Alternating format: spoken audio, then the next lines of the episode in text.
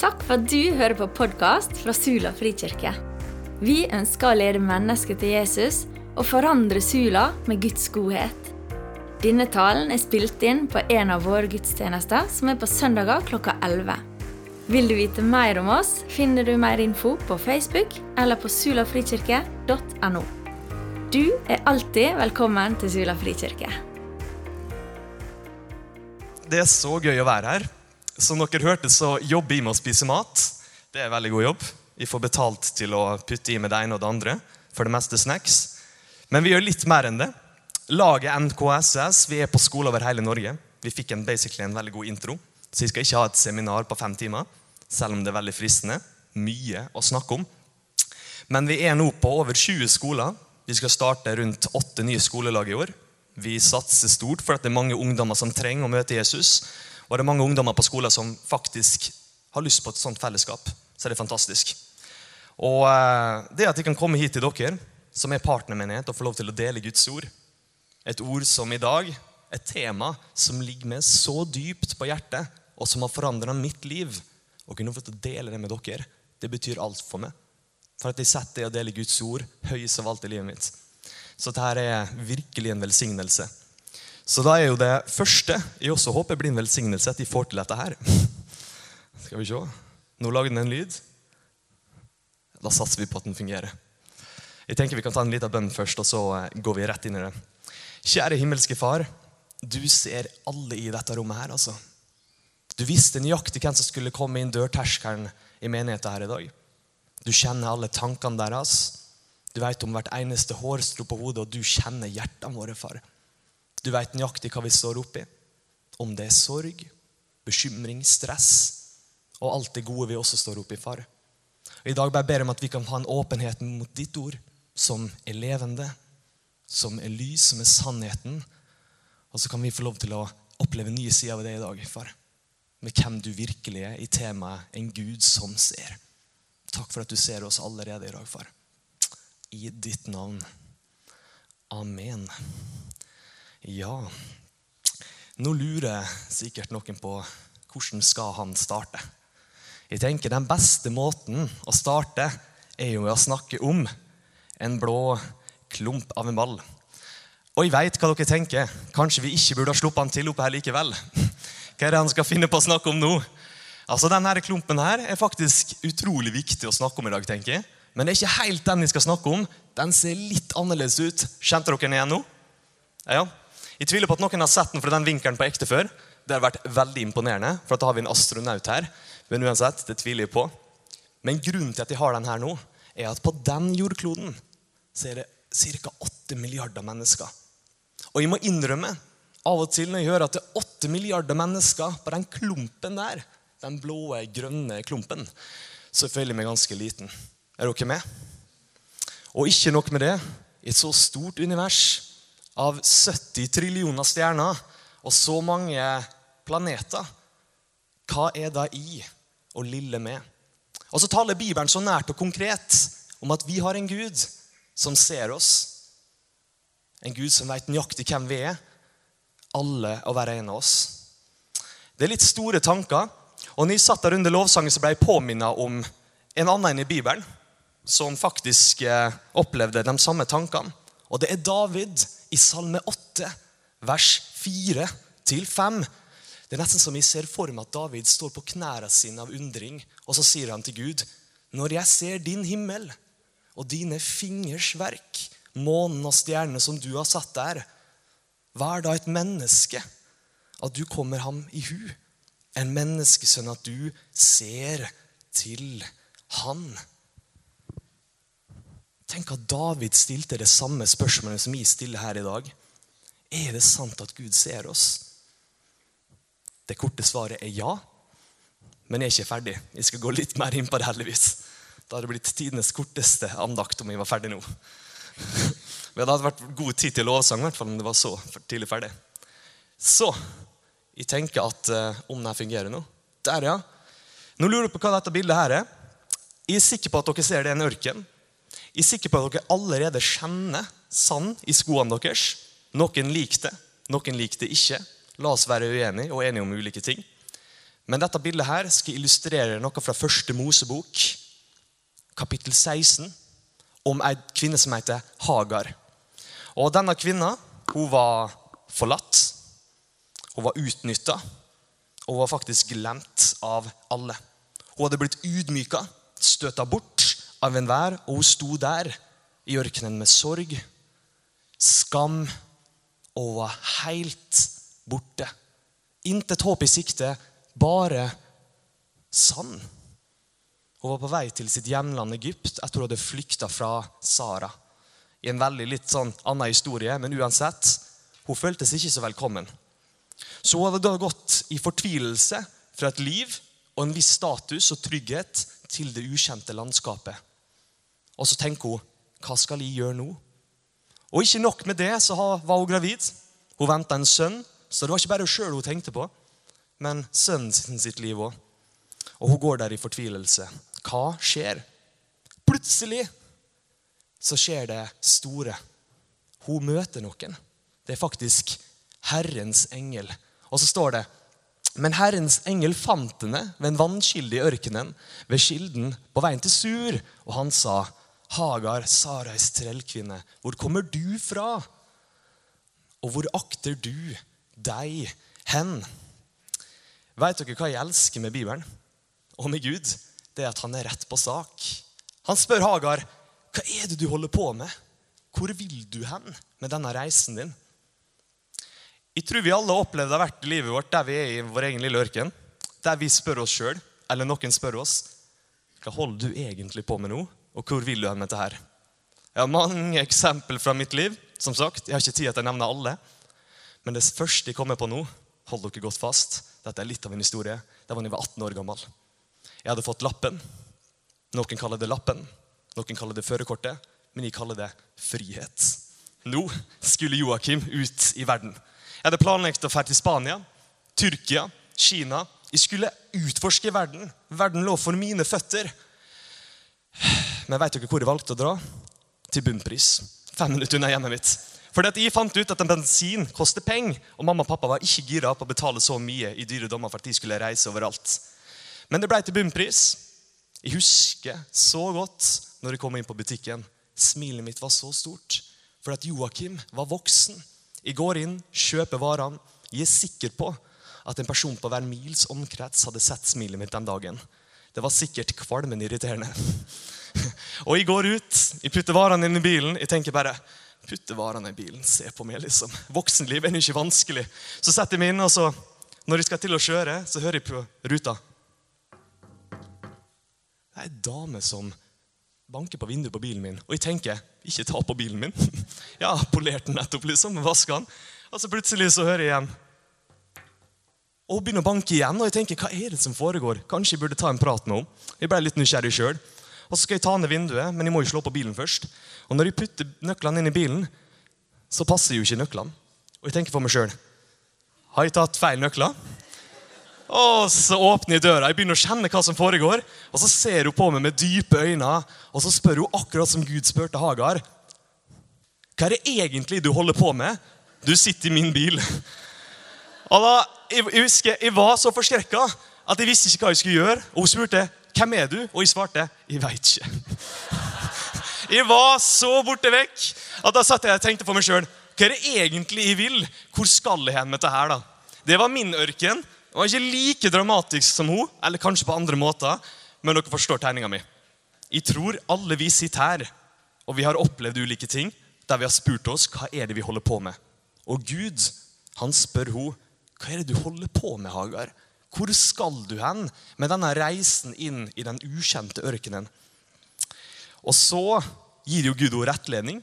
Han sier hva hun skal gjøre, hvor hun skal dra, og så gjør Gud det han alltid gjør, slik som med oss alle. Han gir henne håp for fremtida. Er dere med på den? Han gir henne håp. Og så sier Gud, så står det i neste nå, kapittel 16, vers 13, i første Mosebok, det er en som forandrer mitt kristenliv. Og Nå skal jeg dele dere mitt favorittbibelvers i Bibelen. Og de som kjenner meg, vet at de elsker Bibelen. Så da, da setter jeg de versene her veldig høyt. Og det står, om det kommer fram Da satte hun dette navnet på Herren som hadde talt til henne. Du er en Gud som ser meg. For han sa, har jeg her virkelig sett han som ser meg. Jeg kjenner jeg får når jeg leser de versene her. Det er som første gang jeg leste det, og jeg mista Bibelen i gulvet. Det var så stort for meg. For det gikk jo for meg at vi har en Gud som ikke bare er stor, men som ser den til den enkelte. Som ser alle dere som sitter her, fra fremste til bakerste rad, og som elsker dere. Er ikke det stort? Og Det er nesten så vi kan høre takknemligheten i Hagar sin stemme når du sier de ordene her.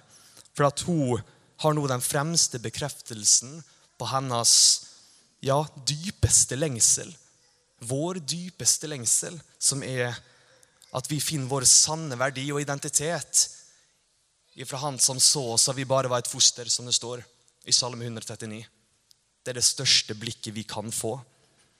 For et budskap. Han som så at vi bare var et foster. Altså Bare tenk på at vi har en Gud som kontinuerlig ser oss. Det er ikke sånn at han må ha kaffepauser, som vi ofte må ha. Som sagt, Jeg har en rekord på 16 kaffekopper eh, på en dag, så jeg har ofte en kaffekopppause. Jeg drikker ikke så ofte nå, men eh, Gud han er alltid våken. Han er alltid til stede. Han ser dere alltid. Og Gud han er ikke gått ut på dato. Han er ikke pensjonert seg. Han er like levende den dag i dag. Og Et vers jeg ofte liker, det er Jobbs bok, kapittel 28, vers 24. Hans øye når til verdens ender. Alt under himmelen kan han se. Wow, tenker jeg. Jeg husker første gang jeg leste dette her på bibelgruppen jeg var liten. Og kompisen min sa, 'For en herlig Gud'. Mens jeg sa, 'Han hørtes litt ut som en stalker'. Er dere med? Jeg tror Av og til så er det litt skremmende å tenke på at Gud ser oss hele tida. Han ser alt vi gjør. Det er nesten til å sammenlignes med at vi ser for at den står med en kikkert. Er dere med? Og det er litt skremmende. Men jeg liker ofte det bildet mer, for han er ingen stalker. Det at Gud ser oss, det betyr noe helt annet. Og Hør godt etter nå. Det betyr at Guds gode blikk er festa på dere. Det betyr at ikke et kjølig kaldt registreringsblikk.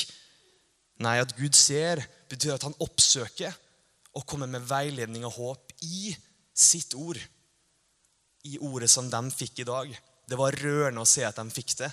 For at det er den største gave de kan få. For at der får de faktisk møte Gud.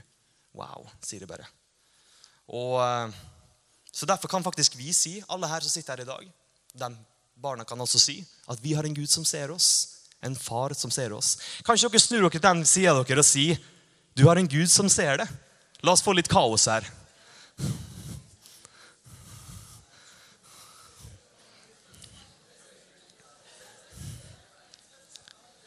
Maken, altså, Menigheten lar ikke meg snakke. Ingen som lytter på meg. Nei, tulla. Det var jeg som sa det. Er det ikke flott når du til og med får bekreftet fra sidepartneren at nå har du en Gud som ser det? Og det er helt sant. Det er liksom ikke fake news. Det er sannheten. Vi har en Gud som ser oss. Nå tok jeg fram et bilde her. Litt dramatisk, men jeg tenker vi må fokusere litt på Hagar. Vi er ikke ferdig med henne. Denne bibelhistorien er en av de veldig korte i Bibelen, så jeg tror ikke ofte folk har hørt en sånn analyse av den. Men det er derfor jeg er her. så vi skal se litt mer på henne. Hvem var Hagar? Nummer én. Hun var en fremmed. Hun var ikke en israelitt. Hun var en egyptisk slavkvinne. Hun var ganske nedpå. Og det er ikke sikkert hun var vokst opp med å vite hvem Gud virkelig var. Så vi kan da konkludere med at hun var antageligvis langt borte fra Gud. Hun var ikke helt kjent med han. Og det er da vi kommer til hvorfor de elsker denne historien. Fordi at det finnes mange konkrete fortellinger i Bibelen. Og hør godt etter. Konkrete fortellinger om hvordan Gud møter ulike mennesker. La oss se f.eks. i Jesaja kapittel 6. Jesaja blir vettskremt, men Gud setter mot i han. Første kongebok 19. Elia er sliten og trøtt, men Gud gir ham mat og hvile. Eller så har vi Johannes kapittel 4, en av mine favoritthistorier der Jesus møter kvinna ved brønnen. Han ser henne. Han kommer med en utstrakt arm, og tilgivelsen kommer. Og hun får et nytt liv. Og så kommer vi til da Josef var i brønnen, og ting så som verst ut. Gud var med han, og Gud var også med Daniel i løvehulen. Men plutselig så er vi her med en kvinne som ikke er så kjent som alle de andre karakterene. Hagar. Og Gud møter henne. Og jeg synes Det er et så fint bilde på at guden vår han er ikke rik nok bare til den som kaller på han, men han er faktisk så rik av barmhjertighet og miskunn at han kan møte dem som til og med ikke har søkt han ennå. Han er en søkende Gud som ønsker å ha med oss å gjøre. Og jeg syns det er bare så fint at vi får se det her, da. Og at han elsker oss inderlig. Og så er det litt sånn at jeg synes det er så fint at her, den største av dem alle, møtte den minste av dem alle. Kontrastene er store, men kjærligheten er større, altså. Wow. Nå skal jeg ta opp noe som dere kommer til å bli litt imponert over. Hold dere fast. Jeg skal forklare. Jeg har ikke tatt en master i hebraisk. Jeg kunne vært den typen som nå sa jeg kan hebraisk. Nei, men jeg kan å google. Og jeg, googla hva den plassen hun var på og møtte Gud, ble kalt for Lahai Roy-kilden. Jeg håper ingen kan hebraisk, for det var sikkert feil uttalt. Men uansett, Lahai Roy-kilden. Og i det navnet så ligger ordet se.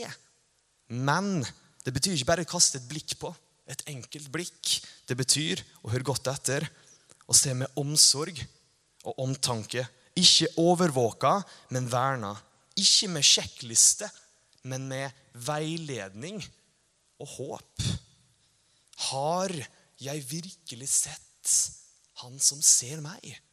Lille meg. El Roy. Wow, for et budskap.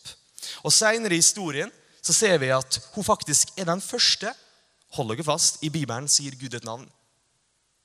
El Roy, som på norsk er 'den Gud som ser meg'. I Bibelen så får vi høre veldig mange navn av Gud. Du får høre Jave, Herre. Du får høre Elohim, den suverene, den mektige. Adonai og mange andre navn. Men El Roy får du høre én gang. Den Gud som ser meg. Du får høre det én gang. En hendelse der den største av dem alle så til den minste. Wow. Og så elsker jeg det faktum at Gud ga barna hennes også et navn. Ismael, den Gud som hører. Så vi har ikke bare en Gud som ser dere, men vi har en Gud som ser dere, og som hører dere, og som bryr seg om dere. Han bryr seg bare ikke om hva som er godt i livet deres. Han bryr seg om det som er tungt i livet deres. Han vil ikke bare ha vår takknemlighet, men han takler vår klage. Se på salmene, se på David. Han vil ha alle aspektene av livet våre. For en Gud, sier det bare. Jeg blir av og til så målløs. Jeg skal ikke si at de svimer av, men det hadde vært litt dramatisk å gjøre her. Men jeg tenker at de skal prøve å holde meg på beina. Men det er av og til veldig mye å ta imot når vi har en så stor Gud. Og jeg skal si dere en fantastisk nyhet. Som jeg sa i stad, han har ikke gått ut på dato. Du sitter her i dag, og jeg ønsker at du på dette året her skal være veldig klar over at Gud ser det du står oppi. Om det er tunge ting du står i, om det er sorg, om det er skam Uansett skal du vite at Gud ser alt det. Og uansett om du så har snubla hver dag og gjort dumme ting, så ser han det, og han hører det, og han ønsker å ha med det å gjøre. For en Gud! For en kjærlighet, som det står i Efeserne. En kjærlighet som er så dyp, som er så høy, som er så brei og så lang at ingen kan unngå å måtte møte den. altså. Og Jeg har jo snakka om at vi blir sett. Jeg er ganske sikker på om jeg hadde sagt 'rekk opp hånda', som er litt sånn der eh, streng lærer. Men jeg er ikke det, som sagt. Jeg har ikke utdanning der. Men eh, om jeg hadde sagt 'rekk opp hånda', den som liker å bli sett, så er jeg ganske sikker at om dere var ærlige, så hadde alle rekt opp hånda. Fordi at det å bli sett er et grunnleggende behov. Og jeg glemmer aldri den gangen jeg opplevde å bli sett. Jeg skal dele nå noe veldig personlig. Jeg lurte på om jeg skulle gjøre det eller ikke, men nå gønner jeg på. Jeg kjenner jo at jeg kjenner alle nå her, så hvorfor ikke? Vi er jo familie. All right. Jeg forventer at jeg blir invitert på julemiddag. by the way. Men sånn, nå har jeg sagt altså, det blir masse mat. Allerede mye mat i jobben og mer mat å få. Så et av mine største bekymringer i mange år Det er noe som har gitt meg søvnløse netter, og pulsen min har vært på maks, og jeg har svetta i bøtta spann. Det her er matematikkfaget. Jeg veit hva dere tenker. Hvordan våger du å nevne matematikkfaget her i kirka? Jeg beklager, folkens, men det er viktig å ta opp farlige ting i kirka også. Og det faget der, det sleit jeg med. Jeg føler at når jeg satt i timen og så på matematikkboka, så var det som jeg så på en kinesisk roman. Jeg forsto ingenting. Og når læreren skulle forklare noe, så var det som han tok alt opp i en sånn mikser. Dere vet hva jeg mener, ja? Trykka på en knapp og heiv alt på kateteret. Det der var kinesisk, tenkte jeg. Jeg trodde det var matematikk, men det var tydeligvis et språkkurs.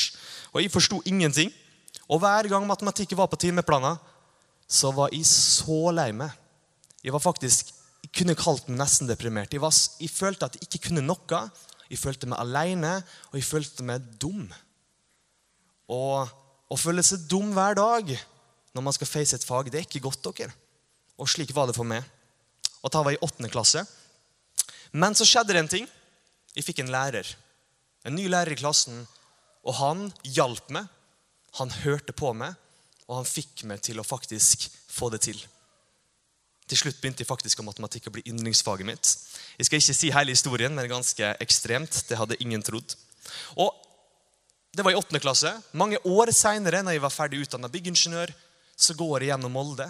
Den ene gata i Molde, som sagt. Molde er en liten by. Bare for å påpeke det. Skal ikke ta mer på det, men uansett. Så går jeg der, og så ser jeg læreren min over gata. Jeg snur meg, jeg spurter over veien. Jeg hopper over to-tre biler. Bra jeg ikke ble påkjørt. Hopper foran han med store øyne. Han var sikkert vettskremt der han sto. Og så sier de til han, 'Husker du meg?' 'Husker du meg?' Og så ser han på meg, og så sier han, 'Hei, Joakim. Jeg husker det veldig godt.' Og så sto vi der, og så brukte jeg tida til å takke ham for alt han hadde betydd for meg. Takk for at du var der med meg, at du hørte meg, at du hjalp meg. At du så potensialet mitt i det faget der. At du fikk meg til å føle meg dum, til at de faktisk følte at de hadde verdien der. Og så sto vi der, og det ble et fint øyeblikk. Smilene våre møttes, og så sa han noe jeg aldri kommer til å glemme. Hør godt etter. Han så på meg og sa, 'Joakim, jeg så det alltid.' Jeg så potensialet ditt. Jeg så hvor hardt du jobba. Jeg så deg alltid. Finnes det noe finere enn det å bli sett dere? Tenk dere godt om. Det at noen tar dere ut av folkemassene. Det at noen gjør dere tydeligere. Jeg skal si det for min egen del. Det er som en glede som skapes i meg. Det er som en elv som åpner seg, og en glede strømmer gjennom meg. Jeg blir rakere i ryggen. Jeg, blir, jeg får mye mer selvtillit. Og jeg tror når vi blir sett, så blir vi mye mer vakrere òg. Slik som Gud ønsker at vi skal være. Det er utrolig hva som skjer når vi blir sett. Og eh, det å bli sett av andre Se dere rundt.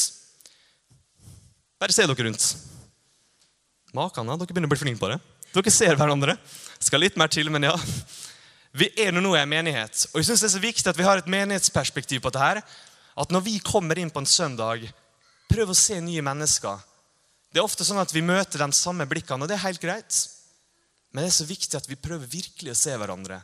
Ta hverandre ut av folkemassene, sette med en ny en og bli kjent med flere. For det kan hende at det er flere som føler på ensomhet. Og skal vi gå ut av kirka, på arbeid, på skole, på studie, se menneskene rundt det. Vi sier at vi skal være lik Jesus, og hva var det han gjorde? Jo, fremst av alt, han så dem han gikk forbi. Han gikk ikke bare forbi dem, han stoppa. Han så dem, blikkene møttes, og en utstrakt arm kom. La oss være mer lik han. Vi ser dessverre ofte på det ytre, så vi har en tendens til å trekke oss unna. Men Gud ser heldigvis mye lenger. Ja, Der var klasserommet jeg glemte å vise i stad. Nydelig. Nå gruer folk seg til mandag uansett. I første Salens bok så står det For Herren ser ikke slikt et menneske ser. For mennesket ser på det ytre, men Herren ser til hjertet. For et budskap. Han kjenner oss bedre enn vi kjenner oss selv. Det er både alvorlig og befriende. Alvorlig på den måten at dere kan ikke skjule noe for ham. Ingenting.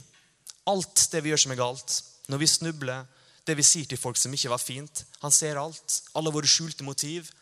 Men befriende på den måten at selv om han ser alt det, så valgte han å sende Jesus. Selv om han ser alt vi er, så har han en utstrakt arm til oss. Et blikk med veiledning og omsorg. Skal vi være frimodige på det budskapet? Jeg syns at dette året her skal vi virkelig gå ut i frimodighet med troa vår.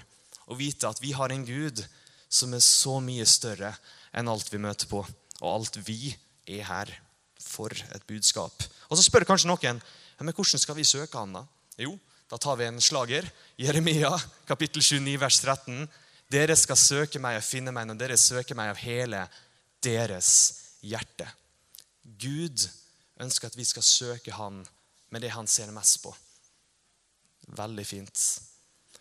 Så nå har jeg snakka veldig mye. Jeg har ikke holdt tida. Men det er ingen som har sett stressa ut av første rad, så jeg tenker at jeg har ikke holdt meg så ut for tida. Det er Av og til jeg har stått i kirka i sentrum på Philadelphia, der jeg ser pastoren er litt sånn stressa. Da forstår jeg nå er jeg over tida.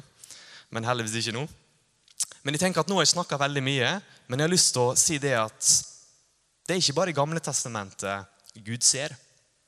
Det at vi har en Gud som ser, strekker som en rød tråd fra gamle til det nye. Fra første Mosebok til den siste boka i Bibelen, Johannes' åpenbaring. Og eh, La oss se på Jesus. Jesus møtte alle mennesker med det blikket. Alle hadde verdi i hans øyne. Og Hør godt etter. Da Jesus gikk på jorda for 2000 år siden, så brydde han som enkeltpersoner.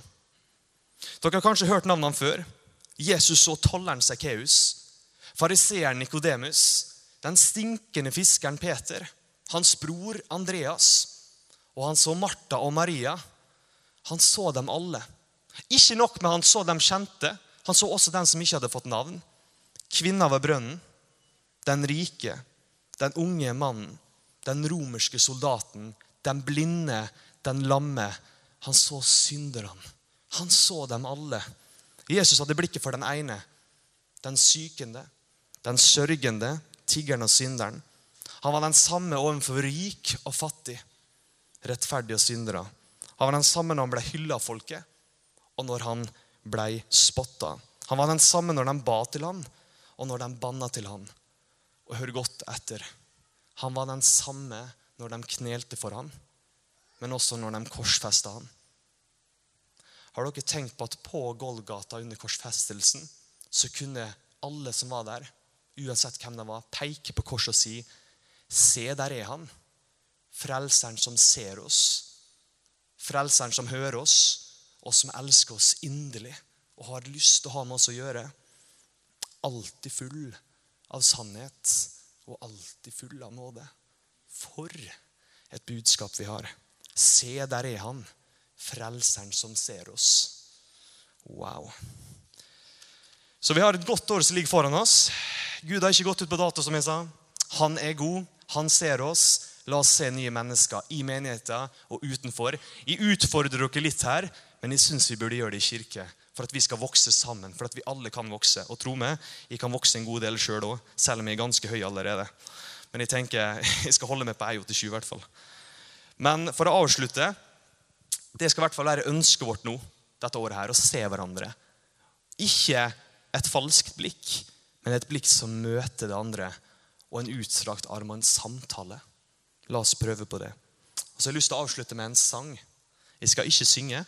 Jeg tør ikke etter når det er så godt lovsangteam. det hadde ikke vært så fint å høre meg uansett heller. så. Men eh, her kommer en sang som jeg husker jeg leste, og som traff meg helt i hjertet. da. Hvordan Jesus ser oss. Skulle ønske jeg fikk se meg slik som Gud ser meg i Jesus Kristus. At jeg fikk et glimt av hvor rik jeg er i Jesus Kristus. Det som var vinning, ser jeg som tap. Og det som var rikdom, blir bare skrap mot det å kjenne Jesus Kristus. Wow. Amen. La oss be. Kjære himmelske Far, du ser alle i dette rommet her. Og du ser dem ikke bare på det ytre, du ser i hjertene våre. Du ser til den enkelte. Du som er så stor, ser til lille oss. Du som har skapt alt av stjernene til det minste atom, du er mest interessert i å se oss her. Du kjenner vår sorg, du kjenner vår skam. Du kjenner til når vi snubler, og du kjenner til når vi har det vanskelig for å reise oss opp. Men uansett hvor vi er i livet, så vil din arm aldri bli trukket tilbake. Og din kjærlighet, din miskunn og din barmhjertighet er alltid framfor oss, far. Tusen takk for at vi har et budskap som ikke bare er appellerende for oss her, men for alle og enhver. Jeg ber meg om at vi kan male det perfekte portrettet av hvem du er til våre medmennesker utenfor kirka dette året her. Slik at enda flere kan få ta et steg i tro mot deg, Jesus, og få det livet du virkelig hadde meint for dem. Et liv sammen med deg, far. Så jeg bare ber om at når vi skal lovsynge nå, så jeg bare ber om at vi ikke bare skal løfte våre hender og våre stemmer, men våre hjerter til deg, far. Det du ser mest til. I ditt hellige navn, far. Amen.